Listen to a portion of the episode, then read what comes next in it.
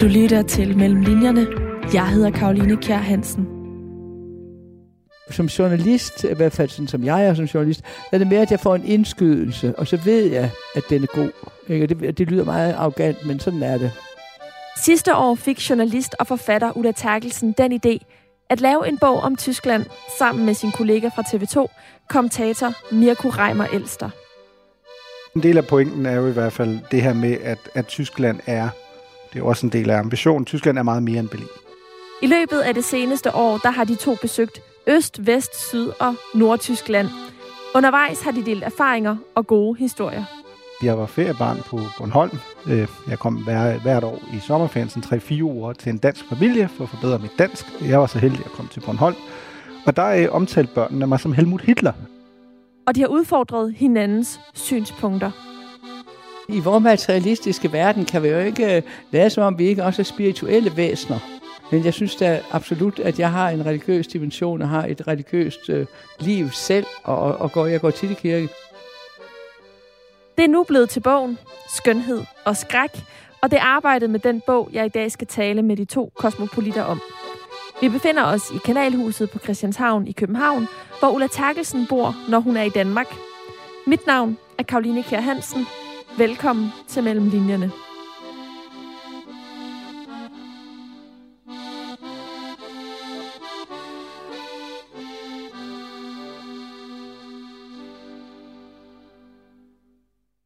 Ulla Terkelsen, hvor stor forskel er der på at skrive en bog alene og skrive den sammen med en anden?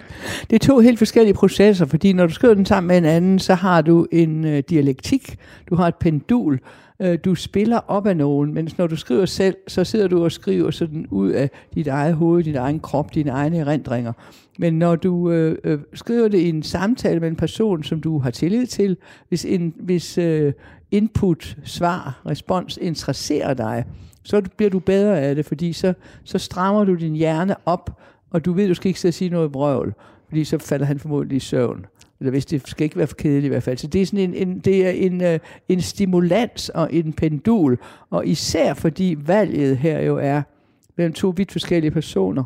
Altså der er forskellige generationer, 35, 78. Der er forskellige nationaliteter, en dansker og en tysker. Der er forskellige uddannelsesniveauer, en akademiker og en reporter. Og så er der forskellige sociale klasser. Jeg kommer fra borgerskabet, og Mirko kommer fra fattigdommen. Så derfor så øh, er det sådan to forskellige om en fælles interesse. Og derfor synes jeg, det er en meget stimulerende måde at lave det på. Har det også været sådan for dig, Mirko? Reimer Elster, en stimulerende måde at skrive en bog på? Øh, jeg tør selvfølgelig ikke øh, sige andet, end at det har været det, men det har det. Øh, som, som Ulla siger, så, så har det jo både noget at gøre med, at jeg tror, at det vi to hurtigt fandt ud af, at der fungerede for os, var, at vi sådan elskede at spille bold op af hinanden. Altså, vi kunne godt lide at snakke om ting, øh, selvom vi knap nok kendte hinanden. Det var sådan, vi kom i kontakt til at begynde med på TV2, at vi simpelthen bare faldt i snak med hinanden, fordi der var så mange ting, vi interesserede os for. Der var sådan fælles eje.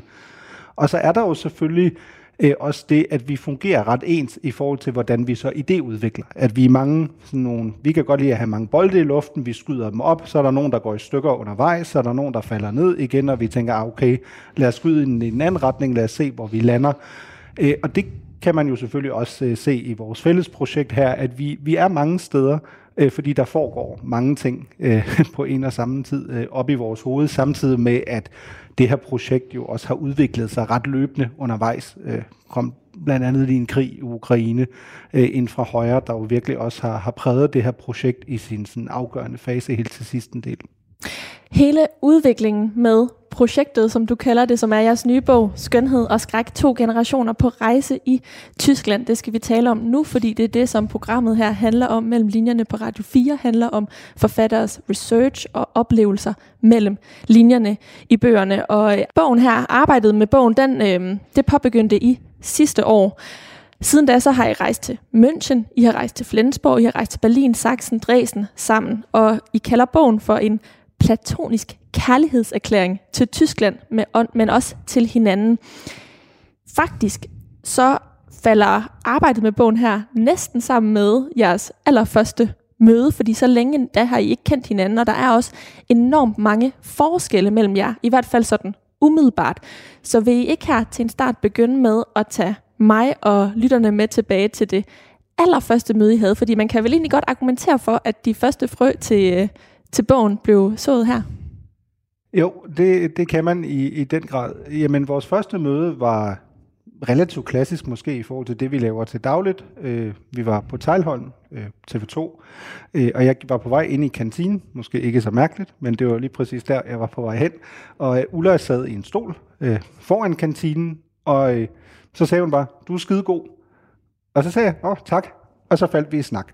Øh, og det var i, i starten af 2021, og så fik Ulla undervejs en række fikse idéer, der så til sidst også resulterede i det her projekt. Et hver af dem var, at hun synes, jeg også skulle begynde at analysere tysk politik på TV2. Indtil da havde jeg jo primært holdt mig til det amerikanske. Et andet var, at hun fik den fikse idé, at vi skulle på et øh, roadtrip, en tur på autobahn, og lave nogle indslag for TV2 i forbindelse med vores dækning af det tyske forbundsvalg. Og mens vi så var afsted på, øh, på den tur, fik hun så også den glimrende idé, at vi skulle lave en samtalebog sammen. Så øh, jeg kan ikke tage så meget for æren i forhold til at tage initiativet her, fordi det har stort set hele vejen igennem været Ulla. Men du kan tage æren for at reagere så hurtigt og positivt, fordi der er mange, øh, som er kommet ind i vores profession sent. Øh, du er 35, og jeg er 78, men jeg har været journalist siden jeg var 19. Og der er mange, der kommer sent ind i professionen, øh, som øh, akademikere, forskere eller forfattere, som kommer ind og sådan skal lave det, vi kalder journalistik, eller det er jo sådan en blanding af kommenterende rejsejournalistik på en eller anden måde, ikke? og oplevelsesjournalistik. Så er der mange, der, der ikke siger ja lige med det samme, fordi de forestiller sig, at, øh, at der skal sådan noget forarbejde til, og der skal øh, en masse diskussioner om koncepter, og jeg ved ikke hvad, øh, og, og der skal en masse statistisk, statistisk researcharbejde til, alt sådan noget. Ikke? Og der øh, var Mirko god, fordi han sagde, øh, han sagde, vupti, jeps, ikke? ja, ja, ja, selvfølgelig skal vi det, ikke? efter vi overhovedet havde talt om det. Og jeg havde i mellemtiden undersøgt, om der var et forlag, der var interesseret i var der. Øh, og der har du, er du så atypisk, fordi der er mange akademikere, øh, som sådan synes, at det skal først gumles igennem. Og øh, som journalist, i hvert fald sådan som jeg er som journalist, er det mere, at jeg får en indskydelse, og så ved jeg, at den er god. Ikke? Det, det lyder meget arrogant, men sådan er det. Beklager. Øh, jeg vidste, det var en god idé, og derfor så tænkte jeg, lad os øh, skyde fra hoften med det samme. I har som sagt mange øh, umiddelbart sådan øh, forskelle imellem jer. Ulla, du har også allerede været omkring det nu med, hvordan jeres baggrund for det her projekt er forskelligt. Mirko, du er uddannet i amerikanske studier og arbejder lige nu på en øhm, Ph.D. om Tyskland under den kolde krig. Og Ulla, du er journalistuddannet og har øh, været på TV2 siden 1987 og så udenrigskorrespondent siden øh, 92. Så jeres tilgang til, til den her bog øh, har været øh, forskellig, men alligevel så er I begge to kosmopolitter. Lige nu så sidder vi, Ulla, i din øh, lille sådan øh, ferielejlighed, vil jeg næsten kalde det her i, øh, i København, fordi du normalt bor i Cannes, og øh, er jo så selvfølgelig i Danmark en gang imellem i forbindelse med dit øh, arbejde. Og du, Mirko Liso, er jo også vildt omkring på, øh, på farten. Hvordan er den tilværelse for jer? Jamen, jeg tror, det kommer an på, hvem du spørger. Jeg kan jo godt lide den der lidt rodløse øh, tilstand, hvor man konstant øh, afprøver nye ting. Øh, jeg tror, hvis du spurgte min kone, så øh, vil du få et lidt andet svar. Hun synes måske lige præcis, apropos, som Ulla sagde lige før, skyde fra hoften. Øh, min kone er en meget sådan grundig type. Hun skal gumle ting igennem, ikke én gang, ikke to gange, fem gange mindst. Jeg kan meget bedre lide den tilgang, som, som Ulla har, og det er et af de punkter, hvor vi virkelig ligner hinanden rigtig meget, og hvor jeg tror, jeg apropos er meget uakademisk. Og det er også en af grundene til, tror jeg, at jeg jo lidt er skiftet over i journalistikken. Øh, jeg kan godt lide ting med kort aftræk. Jeg kan godt lide, at man relativt hurtigt producerer noget, et noget konkret. Øh, måske derfor jeg blandt andet ikke er blevet færdig med den PhD endnu, fordi det, fordi det er sådan et lidt længere, lidt længere øh, projekt. Øhm, så på den måde synes jeg jo, at det er rigtigt, at der på overfladen er rigtig mange ting, hvor man kigger på os og tænker, okay, det her er sammen dag og nat. Men når man sådan nærstuderer os to, eller ser os to sammen, så tror jeg, man ret hurtigt sådan tænker, ja, det var måske ikke så mærkeligt, at, øh, at de to øh, fandt hinanden. Og ellers vil jeg jo altid henvise til et øh, godt tysk ordsprog, Gegensätze ziehen sich an. Øh, modsætninger tiltrækker hinanden, og det har jo åbenlyst også været tilfældet her. Er det også din udlægning, Ulla Terkelsen? Øh, ja, men jeg synes altså især det der med, med altså komplikationerne ved det tysk-danske forhold, det er jo det, der interesserer os begge to meget og som jeg har interesseret mig for hele mit liv, øh, fordi øh, min søster studerede tysk på universitetet i Aarhus, men havde sådan nogle lange studieophold i Tyskland, hvor jeg så besøgte hende som, som teenager, og senere som, da jeg blev student, og, øh, og senere boede jeg så selv i Tyskland i 90'erne permanent, men jeg havde kendte også, havde en tysk omgangskreds, og også havde mødt folk, øh, som jeg kendte i Tyskland. Så jeg har altid sådan øh, kendt det, og altid fornemmet, fordi jeg selvfølgelig er vokset op i efterkrigstiden, jeg er født i 1944, og også fornemmet den der voldsomme antityske øh, stemning, der var i Danmark, af gode grunde, fordi Danmark havde været besat, og fordi tyskerne havde haft et forbryderregime øh, i øh, mange år, fra 33 til 45. Og derfor så øh, har jeg altid fornemmet, at der var det der interessante dobbeltforhold til det land, ikke? og en mærkelig dansk provincialisme, hvor man gjorde en ære ud, ikke at, at mene noget om sit naboland. Og den der dobbelthed, den kan man ikke diskutere med en tysker, der ikke kender Danmark. Altså, de vil sidde og sige, ach så, og jamen, det var da også vores egen skyld, og oh, Gud, altså, der er der ikke noget til, folk ikke kan lide os. Altså, jeg har sådan forsøgt at diskutere det med, med tyskere, jeg kendte altså 100% tyskere kendte. Og der har jeg aldrig fået sådan en respons, fordi de, altså for det første, enten vidste de godt, at der var ingen, der kunne lide dem. Det var de været så vant til. Ikke? Altså det har jeg hørt mange tyskere sige, man forlader ikke det land, og er ikke mere væk fem minutter før man finder ud, at folk ikke kan lide os. Altså de mange tyskere har været ude for det. Ikke? Øh, og øh, så er det jo interessant at diskutere det meget intrikat og meget interessante fænomen, øh, om, om en, en indviklet forhold til et naboland, med en person, som er tysker, men som så også kender det danske, ikke? og det er jo der, altså Mirko ideelt var han tysker, jeg er dansker, mm. og så skulle jeg sidde og tale op i luften om alt det her, som jeg synes er indviklet, så skulle han sidde og sige, nå, det kan jeg da ikke forstå, nej, er det virkelig sådan akso, og så videre. Men nu kender Mirko det, fordi Mirko er vokset op i grænselandet, og alle grænselande har jo den der dualisme, det er jo derfor, de er interessante, grænselande er interessante, og livsfarlige, tænk på Donbass, altså de er også farlige, det må vi altså, og hvis du spørger nogle sønderjyder, der skulle øh, være i tysk krigstjeneste under 1. og 2. verdenskrig, så vil de heller ikke synes, at det var særlig morsomt at bruge i grænselandet. Men Mirko har altså en anden, øh, en anden baggrund, fordi han har gået i skole i de der danske skoler i, øh, i Sønderjylland. I Duborgskolen. I Duborgskolen, og, og også i, i børnehave, altså fra Mirko var barn. Øh, fra lille barn har han gået på dansk skole, så han har, har kendt det danske sprog, men han har været en outsider i det miljø. Ikke? Han har ikke sådan været altså, øh, sønderjøde med vejende Dannebro, men boende syd for grænsen, som de siger. Nej, han har haft en, en dualisme fra sin fødsel til, til det danske, og det er jo interessant, og derved meget mere indsigtsfuldt end hvis jeg bare sad med en almindelig citat, citatstysker. Og så endnu mere interessant bliver det jo så, at Mirko jo så som opdraget, øh, ikke på grund af sin familiebaggrund, men på grund af sin, øh, sin, sin mors og bedstemors skolevalg øh, i de danske skoler, kommer så til Danmark og er udsat for en, en, en stak af de der klichéer om tysker, pølsetysker og Helmut Hitler og alt det der halløj. Ikke? Altså derfor for, for det, som interesserer mig omkring forhold til tysk, får jo en, en, en, øh, en klangbånd, en resonans, som jeg ikke vil ville få, hvis jeg satte mig ned og diskuterede det med min veninde Andrea, som er 100% tysker. Mm. Så help us God.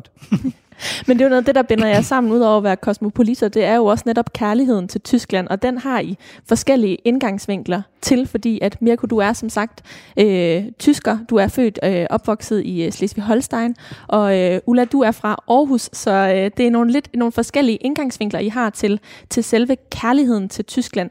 Men det binder jer stadig sammen, fordi at det, som du siger, Ulla, er jo ikke alle danskere, der går rundt og, og elsker Nej, altså, Tyskland. når du siger kærlighed, så er, det, så er det den komplicerede kærlighed. Jeg vil sige, Hvad mener det, du med det? Der mener jeg med, at det ikke er, altså det er ikke som du kan elske Italien, for eksempel. Så ved jeg godt, de havde Mussolini, og de har nogle forfærdelige populister nu i deres politiske liv.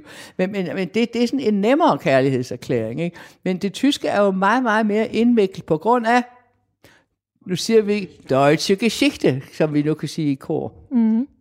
Fortiden sidder altid med ved bordet i Tyskland. Den bor i befolkningens hjerner og hjerter, skriver I i øh, bogen. Prøv at øh, udfolde, hvorfor at Tyskland er så interessant på grund af historien. Jamen lad mig give dig nogle ret konkrete danske eksempler. Øhm, da jeg øhm, kommer til København i 2009 og starter på historiestudiet på Københavns Universitet, så til den første fredagsbar er der en øh, medstuderende, der finder ud af, at jeg kommer fra Tyskland. Og så kigger han på mig, og så spørger han mig, om jeg skammer mig over at være tysk. Og det er første gang i mit, øh, på det tidspunkt, 23 år øh, lange liv, at jeg møder det spørgsmål. Så jeg forstår det ikke. Jeg forstår det vidderligt ikke. Så jeg siger til ham, hvorfor?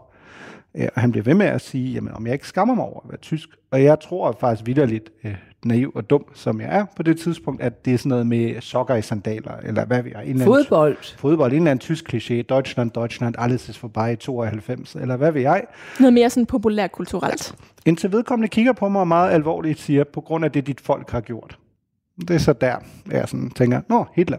Øhm, det er jo ret fascinerende, at et ungt, nok sandsynligvis ret begavet menneske på et universitetsstudie, kan have den tanke, øh, altså en, en ung dansker i 20'erne. Et, et andet eksempel er, at jeg var feriebarn på Bornholm. Øh, jeg kom hver, hvert år i sommerferien, sådan 3-4 uger, til en dansk familie for at forbedre mit dansk. Jeg var så heldig at komme til Bornholm. Og der øh, er omtalt børnene mig som Helmut Hitler, fordi de synes, at Mirko var et ikke særligt tysk klingende navn.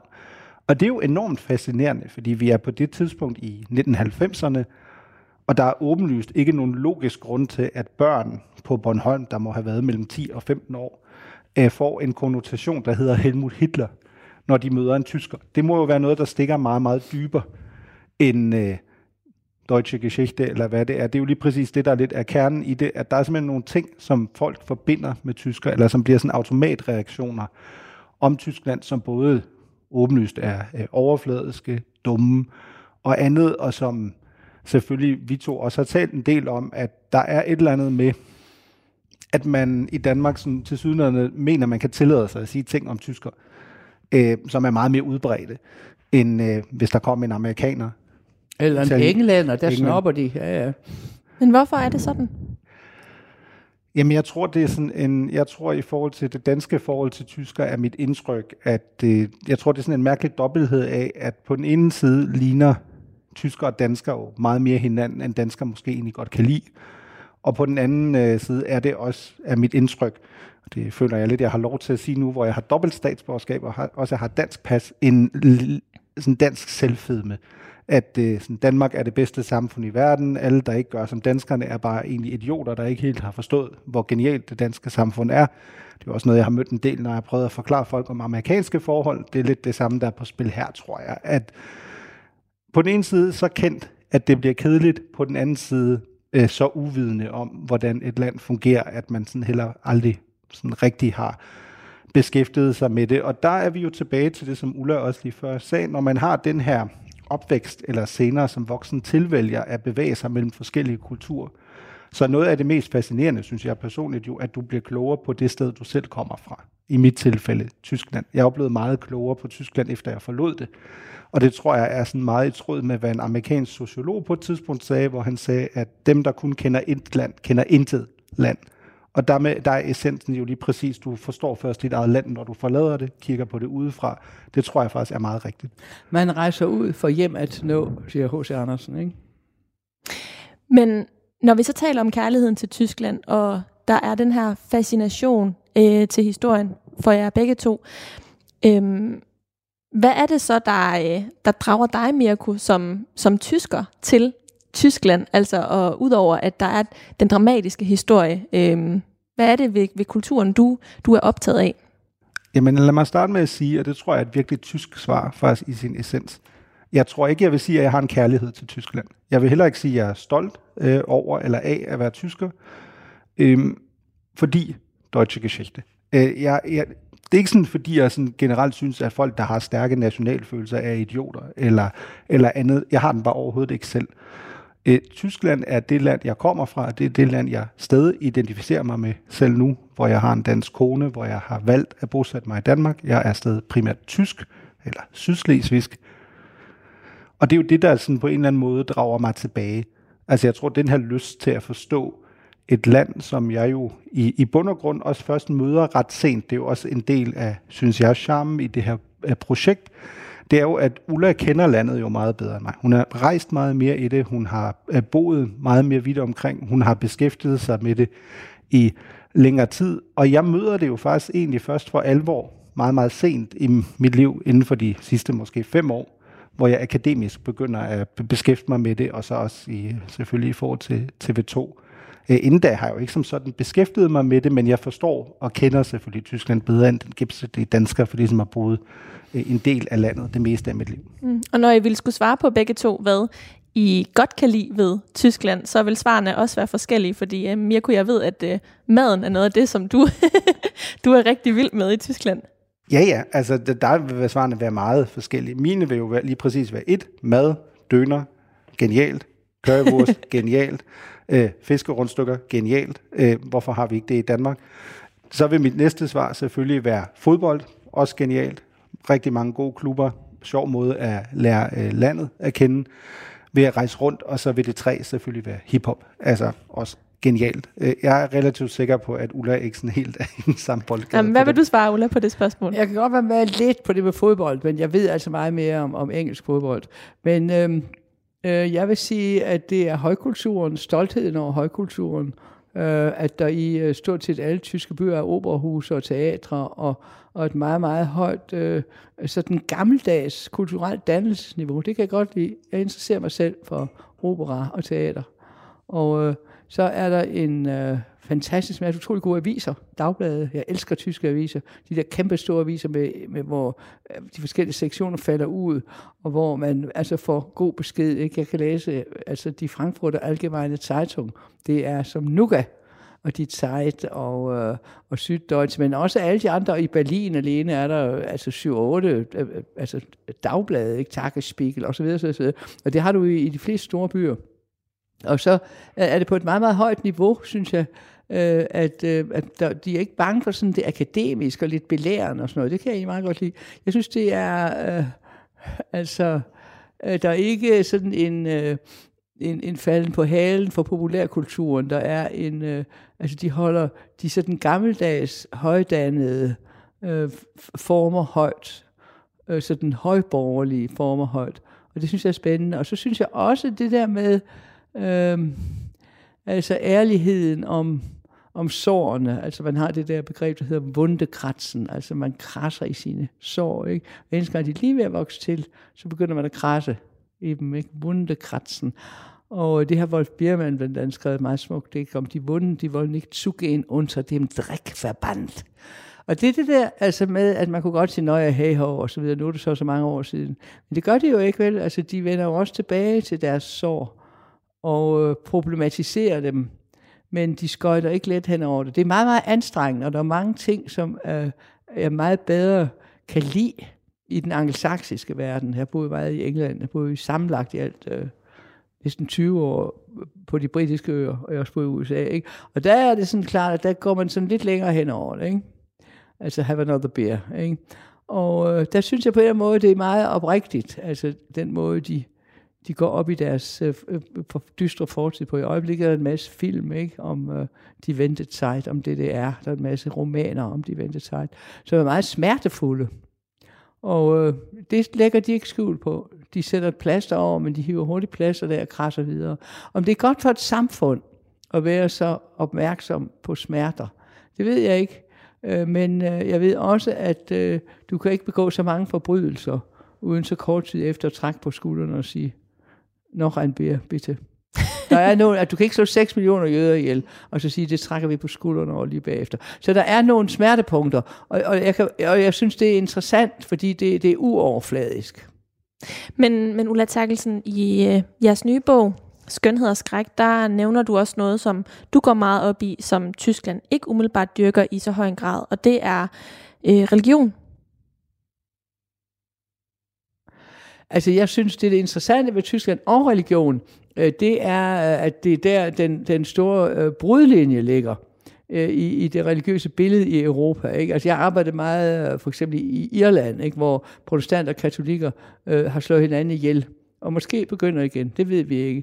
Øh, I USA, som Mirko kender, er religionen et fantastisk vigtigt politisk øh, fænomen, ikke? med hele frikirkebevægelsen, og altså, hvor du melder dig ind i din kirke, det kan Mirko tale meget mere om, hvor dit medlemskab af din kirke er, er, er dit identitet. Det er jo der, du mødte de andre i og de andre danskere osv. Så, altså, der, der har du et meget livligt øh, øh, religiøst liv. Øh, og, og der har du altså, at i Tyskland, det er der, hvor den protestantiske katolske linje går, ikke? Altså det, man kalder rugbrødsgrænsen. Nordfor spiser de øh, rugbrød og drikker øl, og nedenfor øh, spiser de hvidbrød og drikker vin. Det holder ikke, fordi hvis du tager til Sachsen for eksempel, hvor Luther jo kommer fra, det er meget protestantisk, eller evangelisk, som det hedder. Og hvis du går op i det nordvestlige hjørne, op i, øh, øh, i det nordvestlige hjørne af, af det gamle Vesttyskland, øh, mellem for eksempel Osnabrück og Mønster. Deroppe har du en meget katolsk lomme, som ligger over mod Holland. Og det var fordi, det var meget protestantisk, meget evangelisk, lutheransk, kalvinistisk, hvad du kan kalde det. Så der var det et meget intens katolsk område. Så du har de der brudlinjer. Jeg fik jo mere med i kirke. Hvad siger Lige du så? præcis. Lige præcis. Men altså, det er, det, er ikke, det er ikke et stridsspørgsmål længere øh, tror jeg. Sådan har jeg ikke opfattet det i hvert fald. Men, øh, men identiteterne er der. Det er også interessant, for Danmark er sådan en folkekirke. Nu er så kommet nogle muslimer, og der har altid været Øh, jøder, få jøder, og så har du nogle frikirkebevægelser. Du har også et interessant religiøst liv i Danmark, naturligvis. Har du det? sit fædreland skylder man alt. Men det er interessant i Tyskland, fordi du har den der brudlinje, men den fører ikke til, at de slår hinanden ihjel. Nu nævner du selv, Ulla Terkelsen, at du jo fik Mirko øh, Reimer Elster med i, øh, i kirke mens at de kørte rundt i øh, Tyskland og lavede researchen til jeres nye bog Skønhed og uh, skræk to generationer på rejse i Tyskland. Hvorfor var det vigtigt for dig at få Mirko med i øh, kirke undervejs? Fordi han kommer helt op, helt op fra øh, det nordligste Tyskland, ikke? hvor der er skumsprøjt ude på vestkysten og Vadehav, og hvor øh, folk er, hvis de overhovedet er noget, er vel lutheraner og protestanter, ikke? Og synes jeg, det var interessant for, at vi skulle leve os rigtig ind i Bayern, og de forskelle i landet, som jeg netop beskrev med den der robrødsgrænsen, ikke? som er en religiøs grænse. Det er interessant at komme ned i det dybt, dybt, dybt katolske Bayern, som jo er meget katolsk, formodentlig mere katolsk end, end, end mange dele af Italien og Frankrig. Og det er jo altså fordi de der modsætningsforhold øger identiteterne. Ikke? Altså hvis du ved, at du har en kultur, som sådan fader lidt ud, hvis du rykker lidt den vej, og fader lidt ud, så, den, og så, står du, så rykker du sammen om din kultur. Og der var vi til en meget smuk gudstjeneste, og du kunne godt lide det, Mirko. Nu skulle du være ærlig. Jeg kunne meget godt lide det. Det, det kunne jeg. Katolsk messe. Øjemesse. Det, det kunne jeg godt. Altså for det første jo, fordi øh, fandt jeg jo så ud af, at katolske messer jo er er ret dramatisk. Det er sådan noget, jeg elsker. Altså, jeg er jo lidt selv en, altså, ved Ulla påstå en drama queen. Så, øh, så jeg synes, det var enormt sjovt at være øh, til, til sådan en messe. Og så var det jo, og det synes jeg jo generelt, øh, altså en god prædiken kan, at der prædiker du ikke kun til, til koret, så at sige, der prædiker du jo i en almindelighed, der gør, at selv folk, der måske ikke er en del af menigheden, kan se et større budskab i det. Og det synes jeg i den grad var, var tilfældet til, Hvad var til temaet, den prædiken. kan du huske det? Jeg husker det, som om det handlede om skyld, tror jeg faktisk. Schuld. Ja, Schuld. Deutsche Schuld, det var lige ja. det, der gjorde, ja, ja. Og meget relevant i forhold til netop den tyske øh, historie, og det, som du har været udsat for, Mirko, både som, øh, som barn og som ung i dit møde med, øh, med Danmark. Men Ulla, hvorfor er det vigtigt for dig sådan generelt at, at dyrke øh, tro og gå Fordi i kirke? jeg synes, at alle, øh, at, at, at i vores materialistiske verden, kan vi jo ikke øh, lade som om, vi ikke også er spirituelle væsener. Og ligesom vi kan lide musik, og poesi og, og bliver forelsket, så har vi også øh, langt de fleste af os en religiøs dimension. Der er nogle mennesker, der ikke har det, eller hævder, at de ikke har det. Jeg ved ikke, om det passer, men jeg synes da absolut, at jeg har en religiøs dimension, og har et religiøst øh, liv selv, og, og går, jeg går tit i kirke. Og øh, det gør jeg jo, hvor jeg end er, hvad end det er katolsk eller protestantisk. Jeg kan ikke helt de der, lige de der i, i, i sydstaterne, øh, i USA, Mirko. Jeg kigger nu på dig, som om det er din skyld. Jeg er sådan. Der står de og kigger olden på en, hvis ikke de ved, hvem man er. Det er mere klubber. Altså det, hvor det bliver sådan nogle lukkede sekter, hvor de ser olden på andre. Og det gør de ovenkøbet mig, selvom jeg ikke er sort. Hvor, hvor de jo, det er jo tit meget, der er jo tit racistiske undertoner i den måde, amerikanerne har organiseret deres religiøse liv på. Men jeg synes, det giver en, og for, så giver det jo en fantastisk forståelse for et land kirken eller gudstjenesten, som I var til sammen, det var på jeres rejse rundt i øh, Bayern. Og helt konkret så rejste I til München, til Flensborg, til Berlin, Sachsen og Dresden. Hvor... Og Slesvig. Slesvig, det har du ret i. Den var også på listen, hvor du jo kommer fra, Mirko, yes. dit, øh, dit, øh, din heimat. Yes. Hvorfor var det lige præcis de øh, steder, I udvalgte til at øh, skildre øh, det tyske land i jeres bog udfra? Jamen, der er jo selvfølgelig en, en kombination af årsager. Flensborg øh, gav virkelig meget af sig selv. Det er, som du siger, det er min heimat. Det er der, jeg er fra. det er også et område, der på mange måder lige præcis kendetegner den her dualistiske kultur, så det var både et oplagt afsæt at tale om min egen opvækst, men jo også om lige præcis det her med at kunne begå sig i flertalskulturer, øh, have et lidt større blik end kun rent Tyskland. Vi taler jo også om altså, mindretallige problemer andre steder i Europa, øh, grænsedragninger, hvad det betyder at have fysiske grænse, grænser og andet. Øh, Berlin kan man jo groft sagt ikke øh, komme udenom. Det er også klart, at for os havde det jo meget at gøre med, at der også var vidderligt et magtskifte på vej. Øh, Merkel på vej ud, Scholz på vej ind. Vi var der øh, den dag. Det, øh, det skete. Og så er det jo også klart, at øh, forholdet mellem øst og vest i Tyskland betyder stadig rigtig meget øh, på mange parametre. Øh, de magre om kopf, som man så fint siger, er jo ikke væk. Altså muren inde i hovedet mellem, at der er forskel med, hvordan øst- og vesttysker øh, ser verden, eller bare Tyskland for den sags skyld, her 30 år efter murens fald. Og så er der jo på mange måder, som Ulla også har været inde på, egentlig måske næsten en større skillelinje mellem nord og syd, end der måske er mellem øst og vest i Tyskland på rigtig mange parametre, religion, andet. Men sandheden er jo også, at hvis vi havde haft uanet mængder tid, så havde vi jo haft de næste 10 byer på listen. Fordi Hvilke noget ville af, det have været? Jamen, der er mange. Altså, du kunne tage til Stuttgart, du har taget til Køln. Du, jeg vil rigtig gerne til Gelsenkirchen. Øh, Der vil Ulla ikke så gerne hen. Jo, jeg vil gerne, øh, fordi det er det fattige ror. Det, er også en, mm. det vil jeg også gerne. Der er Schalke fra, ikke? Lige Ja. præcis, ja. Schalke er en fodboldklub. Og fodbold, det er Tyskland om nogen gode Ja. til. Nej, men ja, vi kunne have taget meget, altså det, skulle, det ville, så ville det blive uendeligt, ikke? Altså jeg synes, vi valgte øst for at få et sted øst, og så Berlin, som jo er the melting pot, hvor du har øst og vest, ikke? Og så altså hele det der grænselandet og nord, ikke? Altså, og så øh, selvfølgelig München, som jo er, er, er en er dybt interessant by, som jeg er kommet i hele mit liv, som jeg synes er, er altså det ene øjeblik tror du, du er i Milano, ikke? og så er det samtidig de der ølstuer, ikke? som jo er blevet sådan klichéen om tyskerne med umpa umpa musik og lederhosen og alt det der. Ikke? Så har du det der Franz Josef Strauss sagde med laptops auf lederhosen, altså bevar det traditionelle, fordi det er smukt og gammelt, og det kan vi godt lide, og der føler vi os hjemme. Men lad være med at blive reaktionær. Køb en, øh, køb en laptop, og, og gå i gang med at tænke anderledes frem for at stå og, og kun øh, dyrke humle ude på humlemarkerne. Så derfor så er det sådan et interessant billede på omstillingsparathed, men samtidig et ønske om at bevare rødderne. Så det var en meget god stemme. det er klart, man kunne have taget mange steder hen. Vi var også på vores tv-rejse, var vi for eksempel også i Baden-Württemberg, hvor man står på Vinbjerg og spiser vinsnegle og kigger lige over i Frankrig, og du kunne fuldkommen lige så godt være i Alsace, altså der var overhovedet ikke nogen forskel. Byerne ligner fuldstændig det ene sted, altså der snakker de fransk over, og her snakker de tysk, ikke?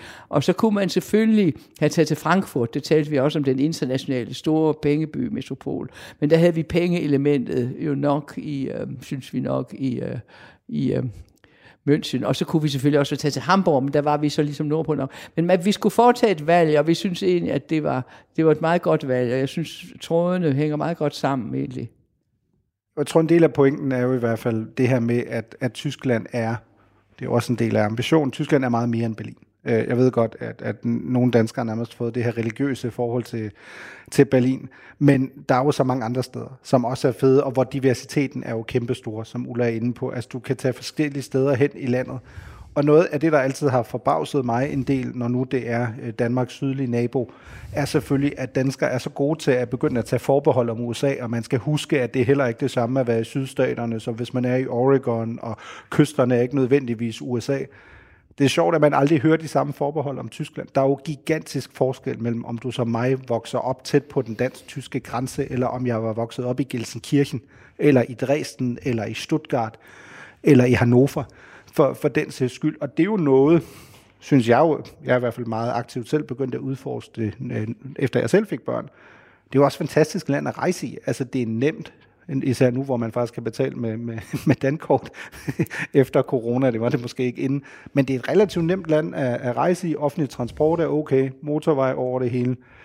Hvis du vil have det ret varmt og ikke gider at køre hele vejen til Italien, jamen så tag til Baden-Württemberg eller til Bayern. Der er også pænt. Eller tage på den tyske Østersøkyst, som jo er fuldt den, der kunne man også have taget hen. Der ligger nogle perler af byer, ikke? Altså Wismar, Stralsund, også pragtfulde byer med de der gammeldags badehoteller, som øh, nu er blevet moderne tage på badehotel igen i Danmark. Og der ligger de der gamle badehoteller fra Gründerzeit, som er blevet s- sat op igen, charnet op igen, og, og der er så vidunderligt. Og øh, før i tiden havde de jo næsten ingen kyst, tyskerne. Tyskland. De havde kun den der lille stribe over ved siden af Mirko, over ved Slesvig-Holsten og, og det nordlige Niedersachsen. Men nu har de jo en fuldstændig fantastisk kyst hele vejen over til Polen. Og det er også et utroligt spændende sted at være. Altså, der er så meget i det, ikke? og det er så synd, at folk blokerer på provinciel façon ved at sådan sige, åh, Tyskland det er et land, vi suser igennem.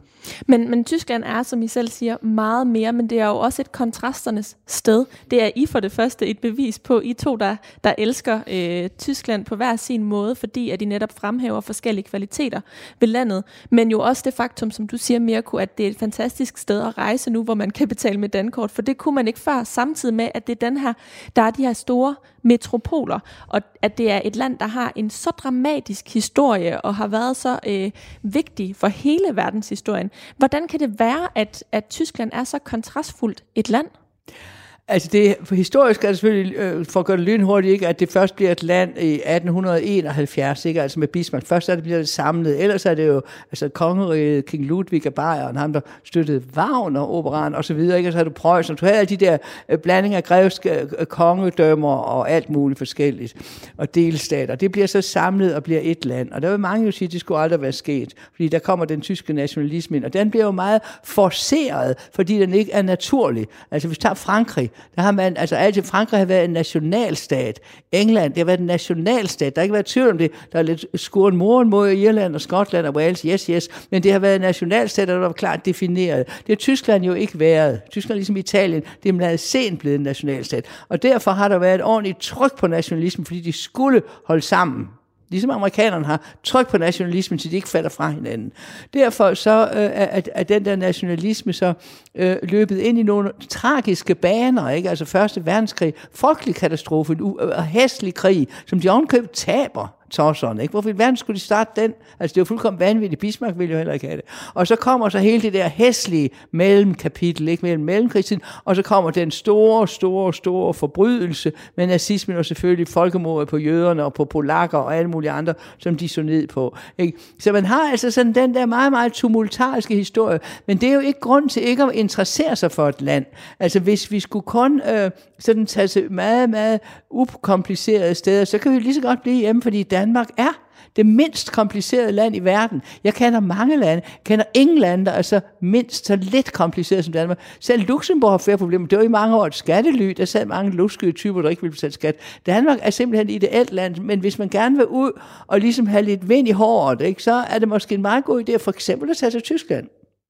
Men hvorfor er det, at de her kontraster, hvis vi lige bliver ved dem, at de kan eksistere i Tyskland? Altså er det udelukkende på grund af historien, eller er det også på grund af... Det er øh, sproget, øh, det er sproget, det er en fælles åndshistorie, ikke? At man har jo fælles, altså her, i Tyskland sætter man jo om åndshistorie, ikke? At man har altså de har alle sammen læst Goethe op i Flensborg, altså nu Mirko ikke særlig meget til Thomas Mann, det er jeg jo ikke. Men altså, der selv der forsøgte jeg at forcere lidt Thomas Mann ind i Mirko, det hjalp ikke. Og så helt ned til og med München. Altså der er jo en, en fælles kultur, ikke? Og en, en, en, en altså kulturel historie. Men af de historiske årsager, fordi Europa i den gang, var, eller Tyskland dengang var delt op i kongedømmer og fyrstendømmer osv., så, så, der er det først meget sent blevet en sammenhængende nationalstat med fælles regler osv., hvad man jo ikke engang har endnu. Man har jo ikke engang fælles regler nu. Kulturpolitik og, og en masse ting, der er lændersache. Det kan du. Ja, ja, kultur, øh, politiet øh, blandt andet selvfølgelig. Ikke? Du har undervisning, undervisning, domstole og så videre, ikke? som du både har på,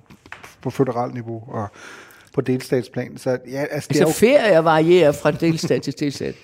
Præcis. Så, så Tyskland er selvfølgelig, altså Tyskland er, er kompliceret, men der er du tilbage til, at det er jo ikke en vil jeg mene, tilstrækkelig forklaringsmodel for danskerne skåret over en bred kamp manglende interesse. Italien er, hvis du gider at beskæftige dig med det, også kompliceret.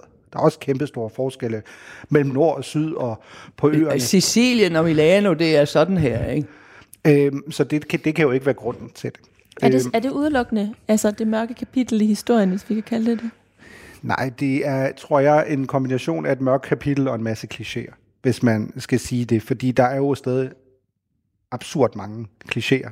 Altså, et af dem, jeg har blevet mødt en del gange, er jo sådan det her typiske med, ah, men og du er tysker, du må elske Hansi Hinterseer. Og så siger man, et, jeg er i starten af 20'erne, uh, nej, jeg hører ikke Schlager, to, Hansi Hinterseer engang fra Tyskland. Altså, Han er fra Østrig. Lige præcis. Ikke? Altså, så det er sådan, kom, kom nu, ikke? Altså, jeg tror ikke nødvendigvis, du vil køre den samme kliché, hvis du mødte en italiener. Jeg tror ikke, en gennemsnitlig dansk. Altså, jeg ved ikke, om alle så vil sige, at du lytter nok til Eros Ramazzotti. Han er altså, god. Ham kan jeg godt Ja, lide. ja, han er, han er god. altså, ingen, ingenting imod er Eros her, ikke? Men, men det er mere for at sige, at. Ja. der er vi tilbage til den der. En af forklaringerne, man ofte hører, er jo sprog. Der vil jeg så våge den øh, ikke øh, gennemresearchede påstand, øh, at min øh, uvildige, ikke videnskabelige agtagelse er, at jeg tror ikke, der er flere danskere, der kan italiensk på et højt niveau, Eller fransk. eller fransk, end tysk. Og tysk er overhovedet ikke svært for danskere. Det er det nemmeste fremmedsprog for danskere at lære. Det er da meget, meget nemt. Så jeg tror, at øh, sådan med den sådan nymoderne udtryk, så har øh, Tyskland jo brug for noget bedre branding. Øh, og der er, er man jo så et spørgsmål selvfølgelig, jamen hvad skal der mere til? Ikke? Angela Merkel var en meget populær øh, politiker i, i det meste af Europa. Øh, Tyskland har flere år i træk nu været øh, the most admired nation i, øh, på, på global plan. Så der sker jo noget rundt omkring i verden, fordi der er mange, der jo faktisk også har en ret stor respekt for, hvordan tyskerne ikke nødvendigvis har vendt udviklingen, men hvordan et land, der for nogen af 70 år stod i spidsen for nogle af de værste forbrydelser, vi har set, jo også er så mange andre ting i dag, ikke? blandt andet når det kommer til startups, øh, blandt andet når det kommer til innovation på, en- på en række områder. Og der er vi jo tilbage til, at Tyskland er altså lidt mere end øh, folk, der løber rundt i øh, lederhosen og som drikker øh, øl. De er jo lige så, øh, de, dem griner man jo lige så meget af og snakker lige så ondt om i, i Nordtyskland. Altså der, der er der jo virkelig, Bayern er jo virkelig nogen, som folk sådan, huh, er flove over. Hvis du, hvis du øh, altså uden at nævne navn, var jeg engang, så, en gang sammen med nogen, som vi begge to kender, som købte en masse lederhosentøj i Berlin, og så havde det på ind til, på restaurant Borchardt, som er sådan en, en edel restaurant, sådan en lidt smart restaurant, og lidt fin, ikke? Og der kom de ind i det der tøj. Folk stirrede jo, som om det var fanden selv, der kom ind. Altså, da hun og hendes mand kom ind, iført sådan noget tøj. Altså, fordi det er jo virkelig, altså sådan noget, man så også griner i andre steder, ikke? Og la- Altså, de griner jo også af sig selv, altså, men et andet element er naturligvis, det er det lille, Danmark er lille på kanten af et meget, meget stort land. Altså, du har jo, som vi også har talt om, du har det samme i Holland, der er folk også meget, meget kritiske over for tyskerne, ikke? Fordi det er et, et sprogområde, der ligger meget tæt op ad det tyske, det er Holland også, ikke? Og det er et land, der har opført sig forfærdeligt mange gange, og forsøgt at opsluge et lille uskyldigt, ikke altid uskyldigt naboland, altså fordi det var jo tit danskerne selv, der lagde op til at tage en rigtig god krig med Tyskland, som be, beskrevet så fremragende af Tom Buk Svensi i, i, i hans bøger omkring øh, slagene øh, ved Dybøl og, og hele, I hele 1864. Ja, for eksempel. Ikke? Og der troede man jo, uha, altså fordi vi havde vundet der i treårskrigen, så skulle vi på den igen. Ikke? Og alle mulige sagde til danskerne, hold nu op, altså. I kan da ikke vinde over Preussen. Jo, jo, det troede de godt, mm. de kunne. Ikke? Og ingen af de andre nordiske lande gad hjælpe os. Så vi har også selv fremprovokeret nogle af de der katastrofer. Men det er jo klart, det er angsten for at forsvinde. Altså i, i et stort lands øh, øh, område. Ikke? Og du har det også, altså mexikanerne er også, og latinamerikanerne kan heller ikke lide USA og sådan noget. Altså det er jo angsten for at forsvinde, ikke? Og den er meget, meget dyb, men øh, det er bare, jeg synes bare, det er sjovt, at folk ikke øh, er mere interesseret i noget, netop fordi det er indviklet. Jeg synes, at det er interessant at være et sted, hvor det sådan er lidt kompliceret. Ulla Terkelsen og Mirko Reimer Elster, vi sidder lige nu i øh, Ullas øh, ferielejlighed, siger jeg citationstegn. Det kan lytterne ikke se i øh, Kanalhuset på Christianshavn i København, og øh, taler om arbejdet mellem linjerne til jeres nye bog, øh, Skønhed og Skræk. Og øh, forud for, at den her bog ligger færdig på bordet mellem os, der har der været en masse rejser i øh, Tyskland, netop fordi I gerne vil illustrere, at Tyskland er meget mere end bare Berlin og lederhosen og køjewurst, selvom at øh, Mirko øh, er meget til den slags. Hvor på den her rejse, I foretog sammen, blev øh, stod det mest klart for jer, at Tyskland er andet end de her klichéer? Jamen det virkelig kedelige svar er jo, det vidste vi jo godt. Altså, det jo, du laver jo ikke øh, sådan et projekt, hvis du groft sagt ikke kender, kender svaret på forhånd, fordi du bliver nødt til at kende svaret for at vide, hvor du skal tage hen. Ikke? Øh, en øh, meget berømt tysk øh, amerikaner, Henry Kissinger, sagde på et tidspunkt, at hvis du ikke ved, hvor du vil hen, så fører ingen vej der jo øh, nogen steder. Og det er jo også tilfældet her. Desværre er meget mere at vælge, fordi du vælger at vrage. Fordi du kan jo fortælle mange forskellige historier om Tyskland, alt efter hvor du bevæger dig hen. Hvis vi nu, for at tænke lidt kontrafaktisk her, hvis vi nu, som vi havde planlagt, men ikke noget, også var taget til Gelsenkirchen, et af de fattigste byer i hele Tyskland, så havde historien jo været en helt anden. Så havde historien været, at vi også havde talt om Schalke 04, den lokale fodboldklub, som mange danskere jo kender, fordi man blandt andet havde Ebbe Sand øh, på, på holdet for små 20 år siden. Jamen, så vil historien jo meget mere have handlet om sådan storhed og fald. Schalke, stor klub, nu nede i den næstbedste række. Gelsenkirchen, Ruhrområdet, der sådan var Europas industricentrum øh, i 50'erne, 60'erne øh, på vej ned. Hvad gør de? Øh, hvordan genopfinder et land sig selv? Fordi det er jo en, sådan en overordnet tematik, som jeg synes, man kan tage om Tyskland. Tyskland genopfinder jo sig selv hele tiden. Efter nazisterne, Wirtschaftswunder, efter genforeningen. I dag, hvad gør vi? For eksempel i ruområdet, okay, kullet forsvinder, kulturen bliver, som man så fint siger, jamen så må vi jo oprette en masse universiteter i området, fordi vi bliver nødt til at blive et videnssamfund. Det synes jeg jo er noget meget fascinerende ved det tyske samfund, at man konstant bliver ved med øh, at genopfinde sig, og det er jo også en historie om Tyskland. Fordi ja, det er også en historie om, at tyskerne stadig sendte fax under coronakrisen, og så videre, og så kan vi grine af det, og der er man meget tilbagestående. Men omvendt er tyskerne også, øh, har jeg læst mig til, det land, hvor der er åbenbart flest folk, der har købt øh, sådan nogle øh, robotstøvsuger, der kan støvsuge derhjemme, og det slår mig ikke som sådan særlig sådan hintervæltlerisk, øh, for at bruge et, øh, et tysk udtryk. Altså så lidt relativt sådan kloge øh, er nogle tyskere til siden af, fordi de har opdaget den trend i hvert fald. Mm. Men I må alligevel have øh, lært noget på den her rejse, også øh, med de forskellige blikke, som I har, øh, I har fået fra hinanden øh, undervejs. Altså, jeg synes, man lærer, øh, jo mere man sådan beskæftiger sig med de ventetid og tiden, der kom efter, hvor smertefuldt øh, den øh, øh, sammenvoksning, som at det blev sagt øh, af Willy Brandt, ja, nu vokser det sammen, som jetzt vækst du sammen, hvad du sammen gehørt, ikke, sagde Willy, Willy Brandt. Og, nu vokser det sammen, som hører sammen. Og det gjorde Oversat. det så til en vis grad. Og man kan vælge at se, altså halvfuldt, fuld, helt fuld, man kan vælge at se positivt på det og sige, hvor er det fantastisk, at det går uden særlig stor urolighed. Og det der AFD-parti, som vi også skriver meget om, det der højrepopulistiske parti, det blev selvfølgelig stort en overgang i, øhm, i Slesvig-Holsten blev det jo bare stemt ud. Ikke? Altså, det blev stort en overgang, men det kom ikke over 5%-reglen i Slesvig-Holsten. Altså, men der var nogle virkninger efter øh, den der sammenvoksning, som var mere smertefuld, og som man ikke havde forudset, og som har været meget pinefuld. Og det øh, synes jeg, jeg sådan altid tænker på, når jeg er i de områder, at det skulle være så godt, jeg vil ikke sige, og så blev det faktisk skidt, for det er ikke rigtigt. Men det blev for mange mennesker nok mere skidt, end vi havde regnet med. Altså at den overgang fra at være DDR, med alt hvad det stod for, øh, Stasi-diktatur, indespærring, øh, fattigdom, alt det der, den der jubi-jubi-periode efter det, den var stor og, og, og og berettiget og, og fuld af jubel og genforeningspatos. Men så kom der sådan en periode bagefter med tømmermænd, hvor alle dem, der faldt af vognen, dem, der var uddannet til noget, de ikke kunne bruge, fordi de var uddannet i virksomheder og altså på pølsefabrikker, hvor de lavede pølse, som vi gjorde i Danmark i før 2. verdenskrig formodentlig. Altså gammeldags, rustne øh, virksomheder, der forurenede vildt. Altså det der var noget af det mest forurenede i verden. Og, og det intet af det hold. Ikke? Og der sidder der selvfølgelig en masse mennesker tilbage og sukker dybt. Ikke? Mm. Og det tænker jeg på hver gang jeg er der. Også da vi var i Dresden, og da vi kørte med tog ned gennem det tidligere DDR. At der er der selvfølgelig en masse smerter, som man nok ikke har været opmærksom på, heller som jagttager. For jeg kan huske, at jeg boede der i øh, 90'erne, boede jeg i Tyskland og var korrespondent på TV2 der. Og der lavede vi jo mange af de der vidunderlige historier om, hvor godt det var gået folk, og hvor var de glade og i og sådan noget. Ikke? Og nu behøver de ikke være bange for Stasi mere. Og der var alle de her film og, og romaner om den frygtelige tid. Ikke?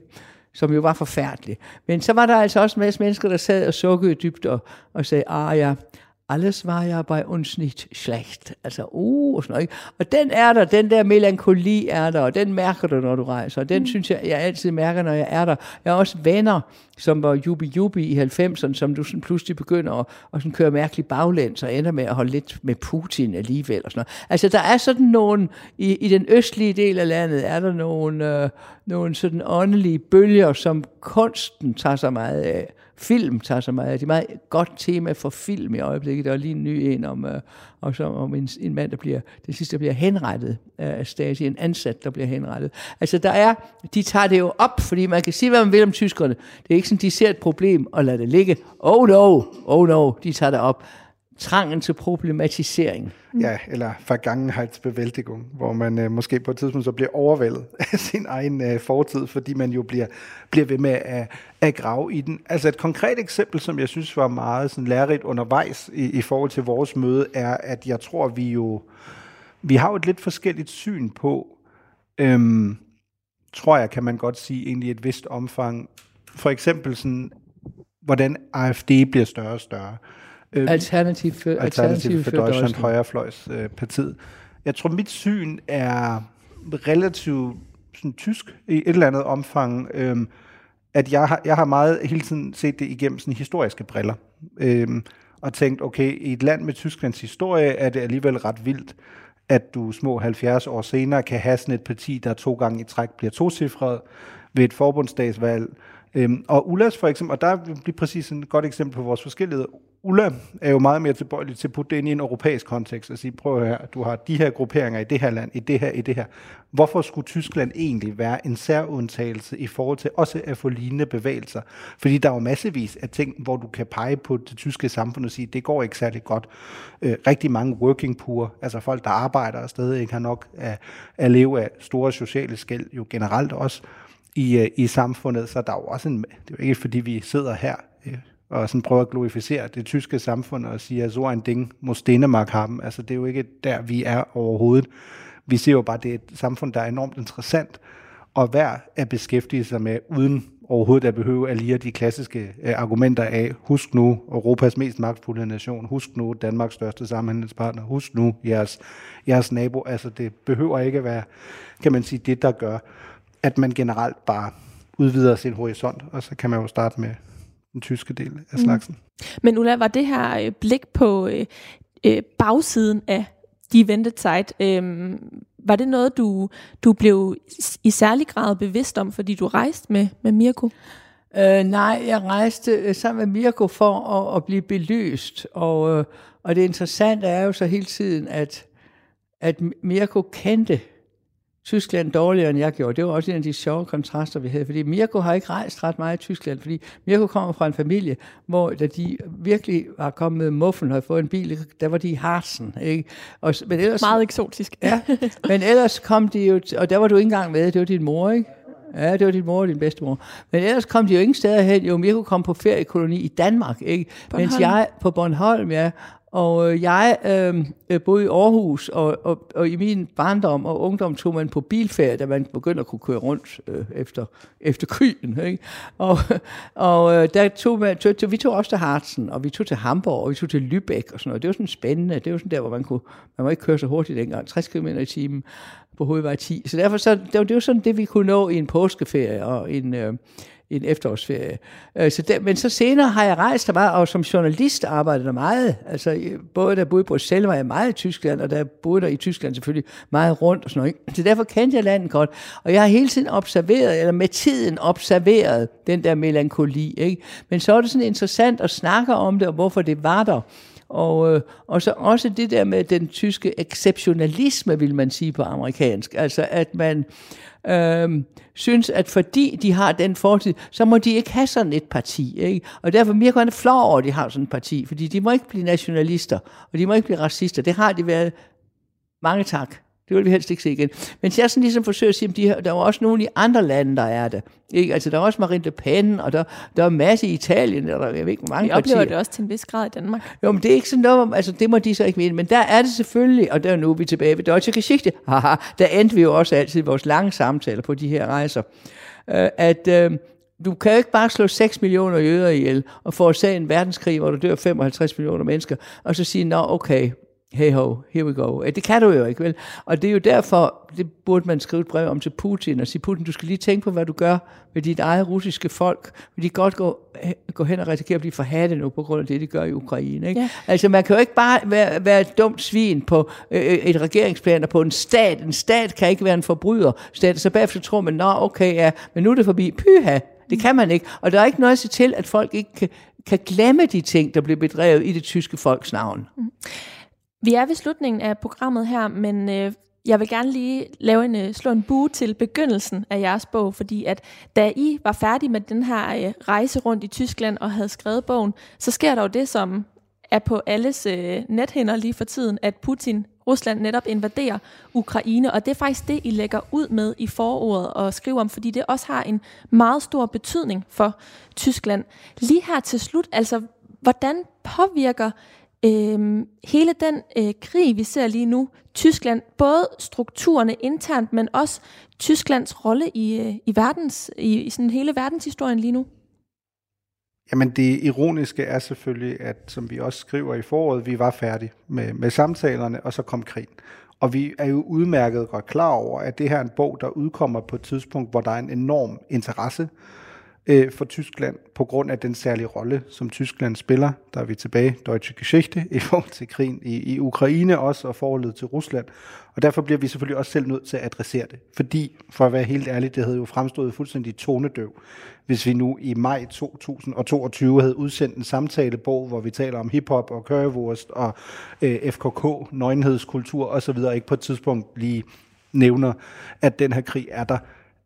Men når den selvfølgelig også er relevant for os, udover selve bog, så er det jo fordi, du kan se, at det, der sker nu i Tyskland, er jo en acceleration af en udvikling, som jeg ærligt talt ikke troede, jeg ville have set i min egen levetid. Altså Tyskland, der i hvert fald retorisk Opruster. indtil videre, opruster i, i meget, meget stor stil, jo i den grad i et vist omfang træder ud af 2. verdenskrigs øh, skygge, og så altid med det der særlige tyske islet selvfølgelig i forhold til, at der trods alt er nogle, nogle ting, hvor, hvor tyskerne er øh, tyskerne, som de nu er.